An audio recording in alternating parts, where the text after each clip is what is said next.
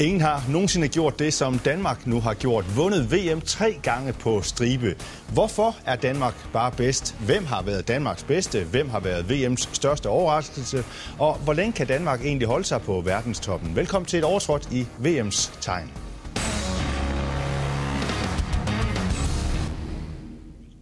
Og hermed velkommen til et aldeles øh, fremragende panel i øh, overtrådt i denne uge, nemlig øh, Allan Damgaard, som er spiller i TTH Holstebro. Lidt endnu, Allan, inden du skifter over til trænerbænken i Mors Thy. Ja. Velkommen til dig, Allan.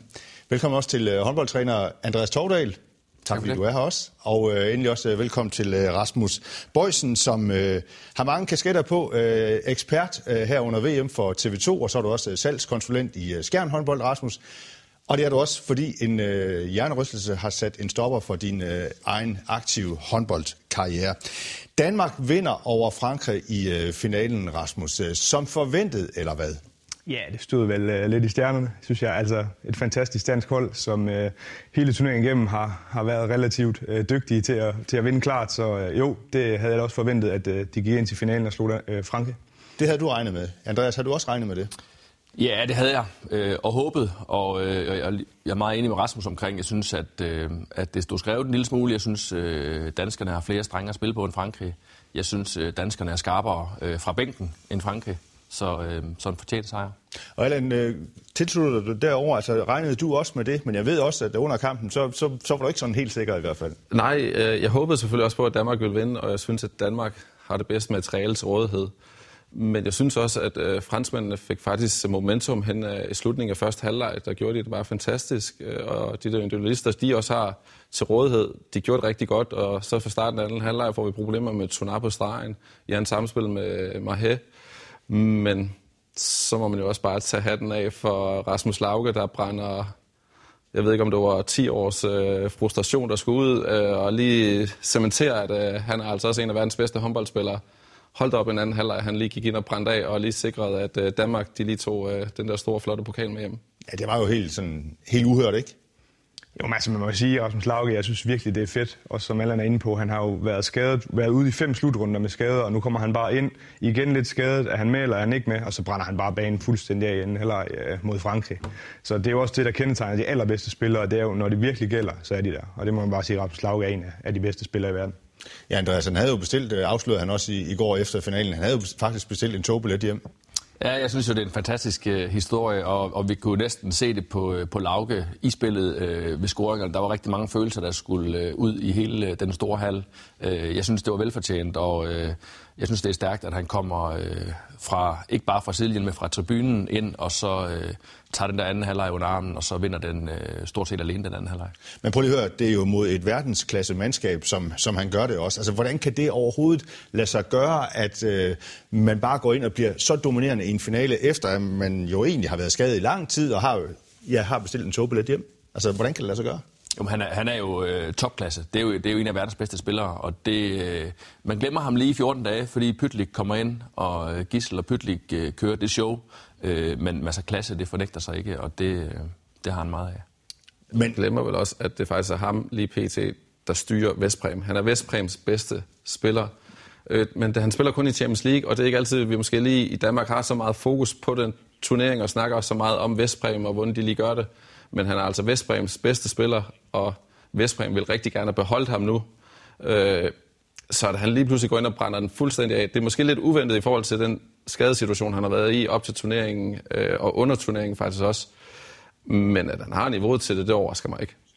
Så de glæder sig formentlig i Bjergbro Silkeborg til at få ham hjem efter sommerferien, Rasmus? Jamen, jeg synes, alle alle håndboldelskere i Danmark skal glæde sig til at få så stor en profil tilbage til den danske liga. Det er jo fedt. Øh, og så synes jeg jo også, at man bliver nødt til at nævne, at nu hørte vi lidt om, at Mikkel Hansen måske har haft lidt øh, problemer med knæet og sådan noget. Så det er jo også nogle gange lidt tilfældighederne i kampene. Men det viser jo den bredde, som der er mange, der har snakket om. Har Danmark egentlig den? Bruger vi bredden? I de vigtige kampe, der har vi den i hvert fald, fordi både Rasmus Lauke øh, Mads Mensa og så også Kevin Møller kommer ind og har store roller øh, på, i kampen øh, i går. Øh, og det viser jo bare den, den fantastiske danske bredde.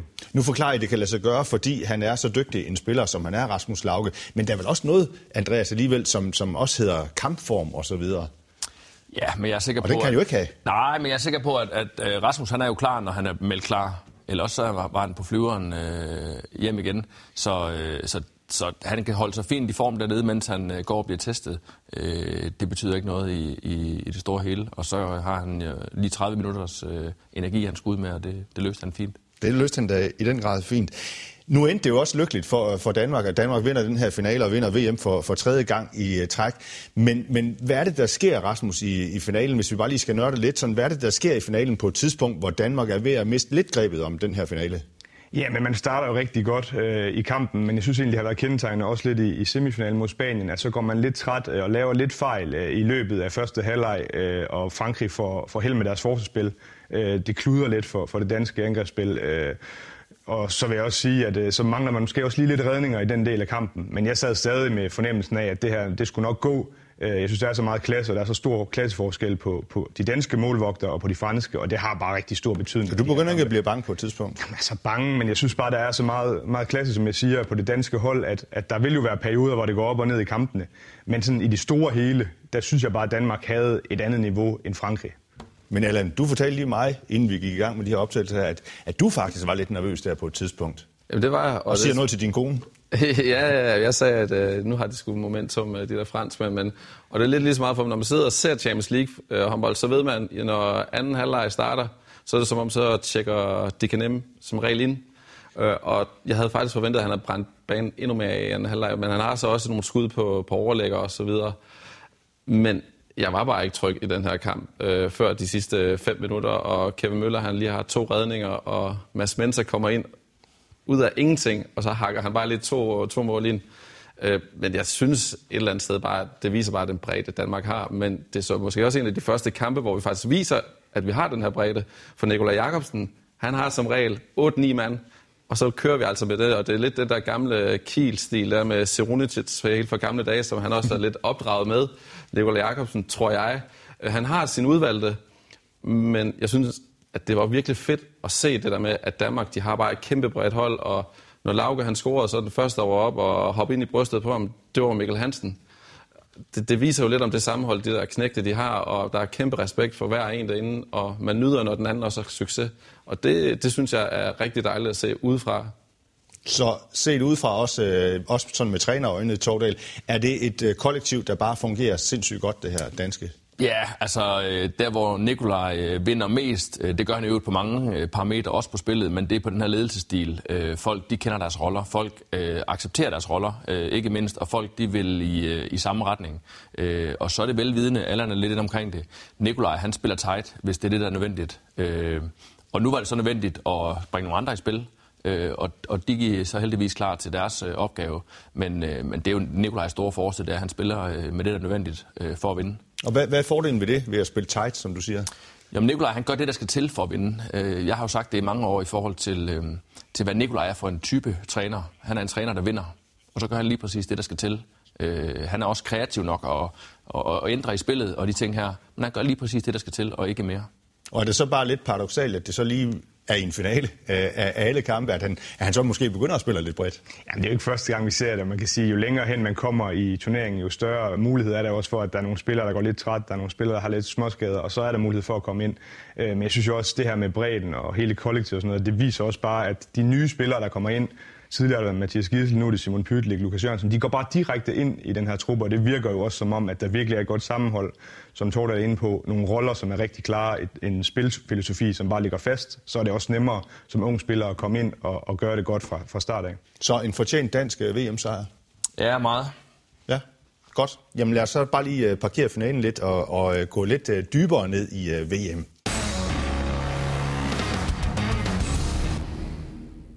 Ja, fordi lad os bare lige blive ved, ved Danmark, fordi hvem har været bedste dansker under det her VM? Det har jeg jo også øh, skrevet til, at det, øh, det kunne jeg godt tænke mig, at de sætter nogle ord på.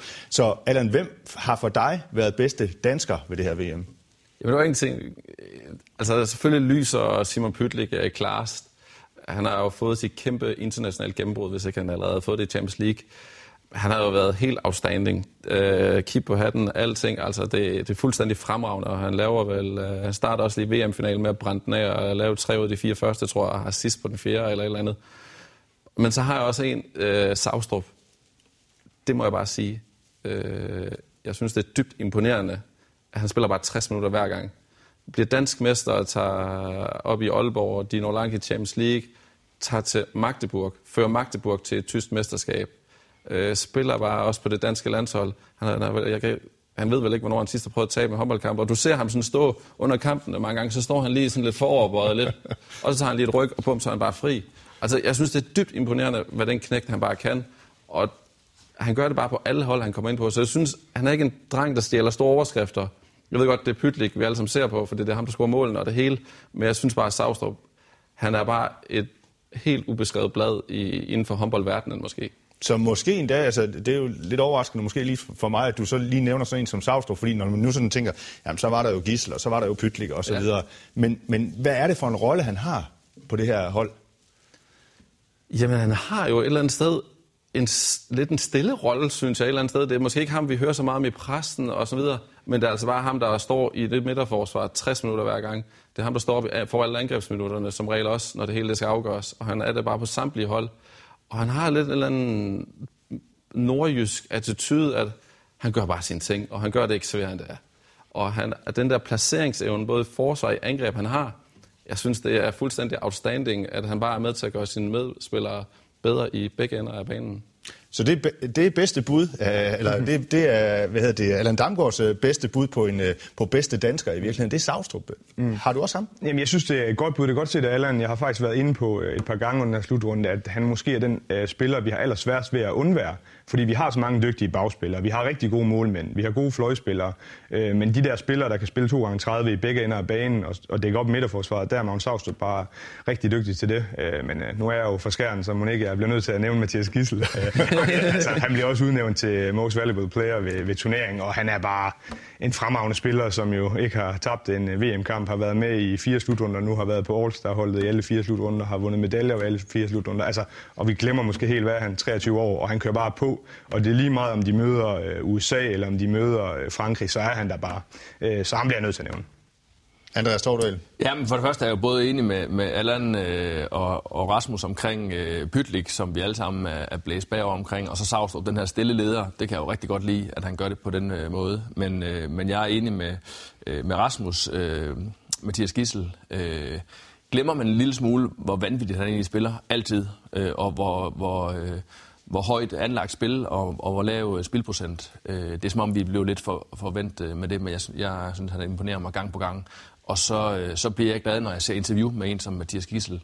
Øh, det, det er godt nok en sympatisk gut, der har øh, familie og øh, frivillige og alle mulige andre i, øh, i tankerne, når han står lige har vundet en VM-finale for tredje gang i træk. Det synes jeg er meget stærkt. Er det bare fordi, at man, man har efterhånden kæmpe store forventninger til sådan en øh, ung fyr på 23 år, at, at så, så tænker jeg bare lige sådan, jamen så dominerende var han vel heller ikke i finalen, eller hvad? Nej, men altså, det, det er jo, jeg synes, det er meget sigende, at Mikkel, øh, han, øh, altså, det blev nemt at være Mikkel Hansen. Han behøver faktisk ikke at, at være med i første halvleg, andet end han er dygtig til at aflevere, og det er han. Men, men du ved, han har, de har øh, Pytlik og, og, og Gissel på kanterne, som i bund og grund er dem, der, øh, der holder, holder gang i det sådan uh, angrebsmæssigt. Rasmus, nu har du været øh, TV2's uh, øh, VM-ekspert også. Hvis man sådan uh, så taler om VM's tre bedste spillere, er, er Gissel så også med på din liste der? Ja, det synes jeg, han er. Altså, han er helt deroppe. Uh, ham, og så synes jeg, at Nedim Remeli har spillet en fuldstændig fremragende slutrunde for Frankrig.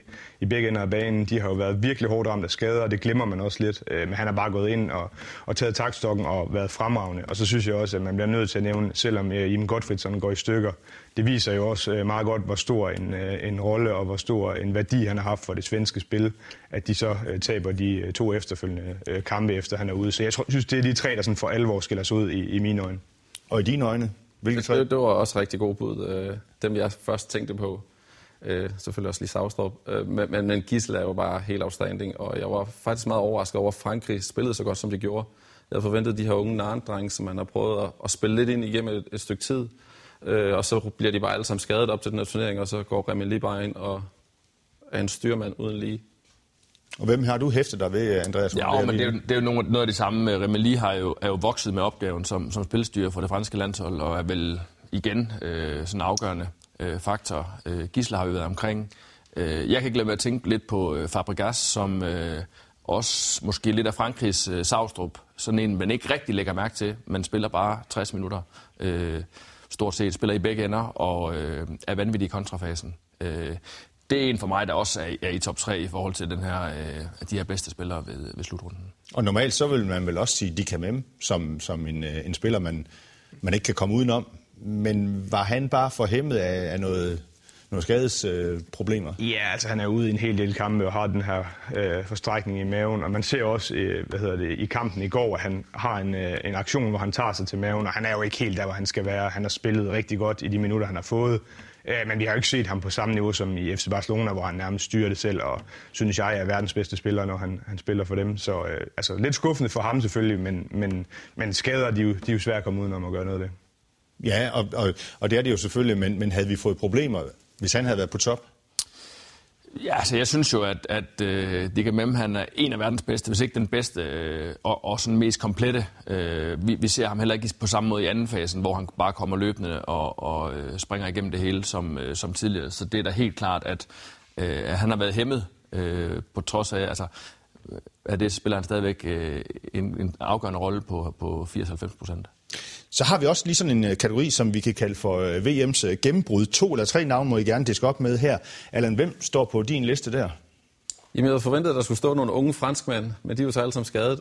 Men jeg synes, der er en, selvfølgelig Simon Pytlik, som vi har været omkring, og så en Juri Knorr, tysk spiller, spiller i Reinecker Løven, har gjort det helt fantastisk, og måske et af de få lyspunkter på et lidt tamt tysk hold, synes jeg faktisk, i forhold til, hvor stort et håndboldland det faktisk er. Men han er, fremtidens mand for Tyskland, og han er det, der skal binde det tyske spil for, sammen her de næste par år, hvor der også kommer et par andre spændende tyske spillere fra med en Heyman fra Göpping, som jeg selv har spillet med, som jeg også håber for hans øh, skyld, at han nu bliver skadesfri og kan spille kontinuerligt. Så kommer der lidt spændende tyske spillere frem, så jeg håber, at de også kan ligesom, komme lidt højere op i, i verdenstoppen, fordi det er lidt tamt lige nu, men Juri Knorr er en af de få spillere, som jeg faktisk synes har fået sit øh, gennembrud. Ellers er det mange dem, vi kender i forvejen.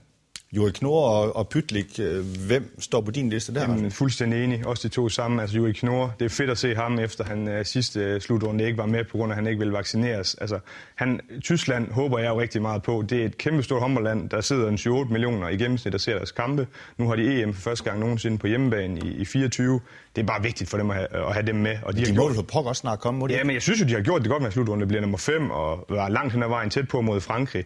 Øh, og mangler også nogle spillere. Øh, Juri Knorr har jo revolutioneret deres angrebsspil. Tidligere har de spillet sådan lidt øh, umoderne, vil jeg kalde det, og langsomt. Nu spiller de med fart. Andreas Wolf har været rigtig god. Golla har de, så lige, lige pludselig har de nogle rigtig spændende spillere, der er på vej op, så det vil være rigtig godt at, at få dem til at levere et godt resultat i 24, fordi det er bare vigtigt, at, at de er med. Så jeg synes egentlig, det er de to mest nærliggende. Så jeg har været lidt skuffet over, at der ikke har været flere, der ligesom har poppet op.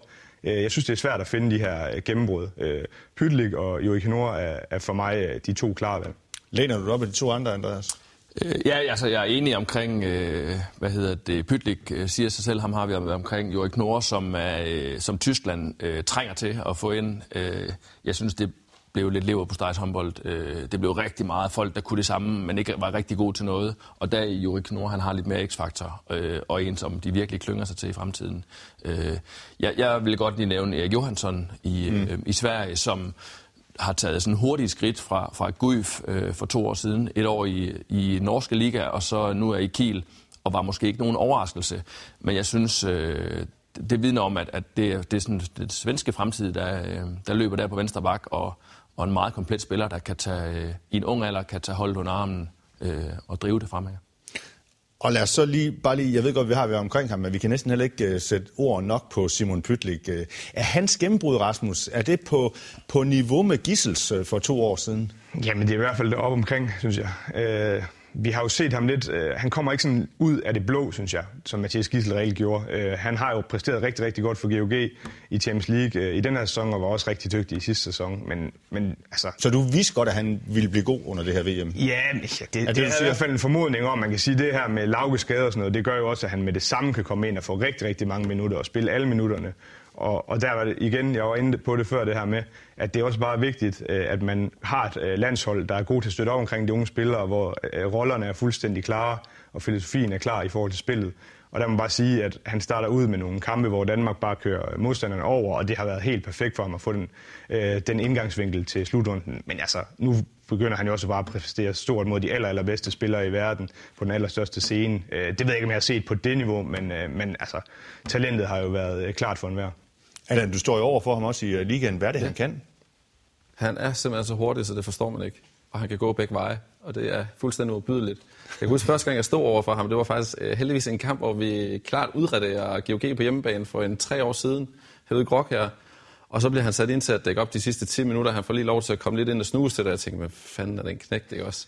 Men så han bare kunne se år for år, hvordan han bare lagt lag på. Og jeg tror, det var en år, hvor Lasse Møller går ud. Så tænker vi, nok, så skal GOG endelig prøve at tabe en kamp.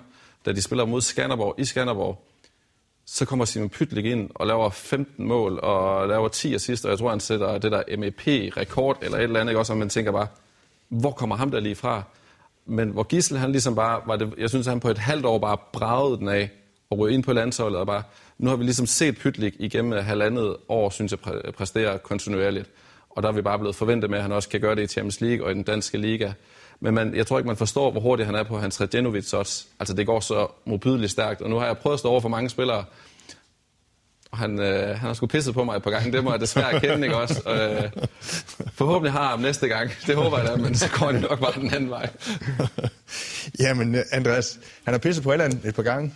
Ja, og der skal, der skal meget til, Allan indrømmer det, det vil jeg godt, ja. det vil jeg godt uh, skrive under på. Så, men, men hvordan kan han så også, uh, udover at han kan pisse på Allan Damgaard, sådan, hvordan kan han så gå ind også, og undskyld misbrug nu også, uh, nærmest pisse på, på sådan uh, alle VM-modstandere? Jamen, altså, altså, og tage sådan en, et, sin første slutrunde, og tage, tage, tage, det, tage scenen på den måde? Ja, men altså, jeg kan ikke lade mig at tænke lidt over det, som Rasmus siger med, at, at uh, slutrunden har været perfekt uh, for hans uh, gennembrud, i forhold til, at man har alt ære respekt for Belgien og Bahrain og deslige. Mm. Uh, det, det har været en blid start. Det betyder, at øh, man har haft mulighed for at lave fejlene, de få fejl, der har været, øh, og spille sig ind i varmen. Og så, øh, så er det hurtigt blevet til, at han har fundet ud af, at det her det er, jo, øh, det er jo ligesom derhjemme. Øh, og, og når du spørger Allan til, hvad er det, han kan, øh, Pytlik, så synes jeg jo, han kan det hele. Altså, han er så komplet. Vi ser, at de begynder at være en lille smule mere defensiv på ham, så de undgår for mange øh, løb med ham. Han hopper bare op i luften og skyder den ind, altså på, øh, på et spidssekund. Så han skal ikke bruge noget som helst plads. Han laver mål ud af ingenting. Og det, det ser jo forholdsvis nemt ud, men det, det er godt nok imponerende. Og det er jo på den helt øverste hylde. Ja, rygterne sviger jo også allerede. De store klubber står jo i kø efter ham. Ja, selvfølgelig. Altså, kan, kan GOG få lov til at beholde ham? Det kan de jo ikke. Nej, på et eller andet tidspunkt skal han jo nok videre. Altså, jeg kunne forestille mig, han måske bliver et år mere, og det tror jeg også vil være rigtig fint. Uh, altså, GOG er en topklub, øh, både i Danmark, men spiller også med i Europa, så det er jo et godt udstillingsvindue, hvor han har en kæmpe rolle. Hvor vil han passe altså, ind, Rasmus? Ja, der har været mange rygter om Flensborg Handevidt, og vi har jo set en del GOG-spillere tage den vej. Altså, jeg synes jo, det er oplagt. Uh, der kunne han sagtens passe rigtig godt ned, men en spiller af hans karat kan jo passe ind de fleste steder. Altså, jeg synes jo, det, det jeg har været mest overrasket over, det er de sidste halvår, hvor meget han har lagt på sit skud. Altså tidligere har det jo været meget gennembrud, og hvor han har været virkelig stærk nu, som uh, Tordal også er inde på. Altså bakker du lidt på ham, eller bare står flat, så hakker han bare ind. Altså skuddet har han virkelig lagt meget uh, på, og det er jo bare vigtigt uh, for de allerbedste venstrebacks i verden, at man også har det med. Så, så der synes jeg, at han bliver endnu mere komplet, uh, at han har lagt det på. Nu regner de fleste jo med, at Aalborg vinder DM, men, men kan Pytlik være afgørende for, hvor DM-trofæet skal, skal havne? Det kan det helt sikkert. Han kan gå ind og brænde banen af og, og vinde en håndboldkamp alene med det niveau, han har. Jeg synes, den er meget 50-50, hvor den lige, lige ender. Jeg er spændt på, hvordan Felix klar han kommer tilbage, og jeg synes, det er lidt ham, at øh, der også ligesom skal bære Aalborg, så jeg er meget spændt på, øh, det er de to store DM-favoritter, der er. Lige nu, det må vi jo bare sige, og jeg er spændt på, hvem er det, der faktisk trækker det længste strå, når vi står hen i, i maj måned, og det hele det lige skal afgøres i finalerne og Pytlik og Gissel, så tegner, kan man jo næsten synes, så tegner det danske landsholds øh, fremtid vel godt. Øh, 23 og 22 år, tror jeg, det, det er sådan, de er, de der to øh, knægte der. Så, så hvis man sådan lige skal, skal kigge lidt fremad, fordi Danmark er jo på verdenstoppen lige nu, det kommer vi ikke udenom, har vundet tre verdensmesterskaber på, på stribe. Men hvor længe kan vi holde os der? Hvis nu vi, Andreas, hvis nu vi eksempelvis kigger 5 eller 10 år frem, er vi der så stadigvæk? Ja, det er vi.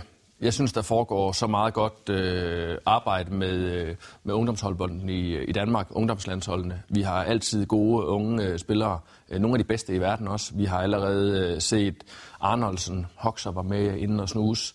Øh, det er på den allerøverste hylde, og man kan sige, du nævner selv Gissel og Pytlik. Hvis det er dem, man skal spille ved siden af de næste øh, 10 år, så bliver det ja, jo... det er det vel, det ja, kan så bliver det jo potentielt forholdsvis lille opgave at løse den og, og kaste bolden hen til dem.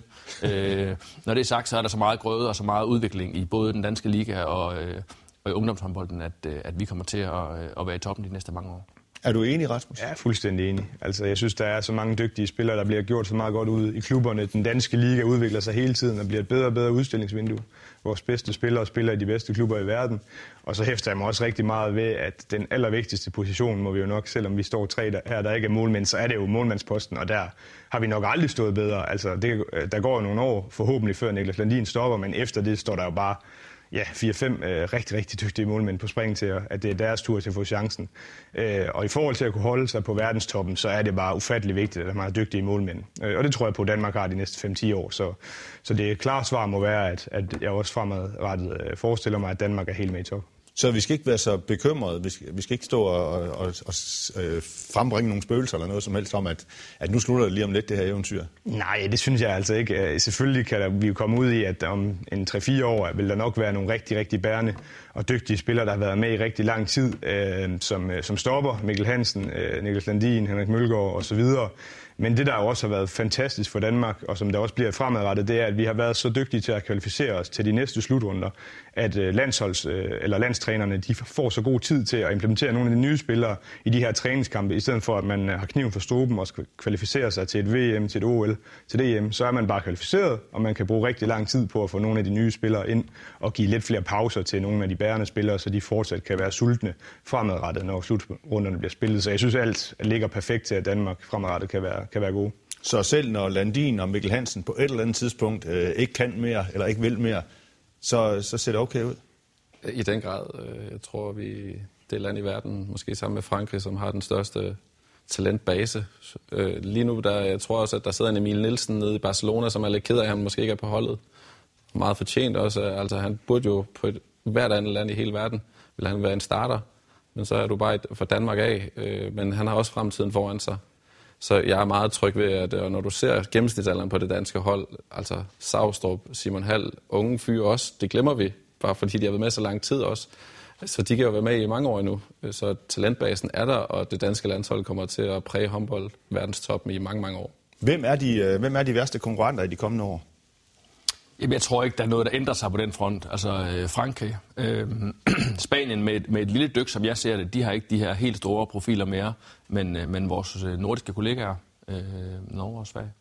Ja, så kommer Island, havde jeg meget større forhåbninger til til det her VM, mm. øh, som faktisk også er lidt, fordi de har præsteret, som de har, røget tidligt ud, øh, men de har faktisk lige pludselig en stor bredde, det glemmer vi. De har bare ikke fået det til at ligesom lykkes den her slutrunde.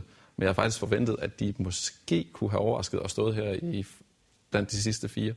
Men nu har Danmark skrevet historie, Rasmus, bare lige til allersidst her. Øh, fortsætter den her historieskrivning, fordi altså tre gange VM, kan det blive fire gange VM, og kan det blive fem gange VM? ja, på et eller andet tidspunkt må det jo stoppe. Altså Nikolaj, Nikolaj Jacobsen må på et eller andet tidspunkt tabe en kamp ved, ved en VM-slutrunde. men altså, det ligger jo meget godt i, i 25 øh, på sådan en hjemmebane og sådan noget, til at vi kan gøre det igen, men det, ja, ja, altså vi har materiale til det, så mit svar vil være, at det kan godt ske igen. Godt. Det håber vi. Vi holder det op på det også, Rasmus. Hermed endnu en gang stort tillykke til øh, Danmark med den øh, fornemme indsats. Tak også for indsatsen til denne uges øh, panel. Husk, du kan finde overtrådt på Facebook og Twitter, og også som podcast. Tak for din tid, og vi har mere håndboldsnak til dig om en uge. Tak for nu.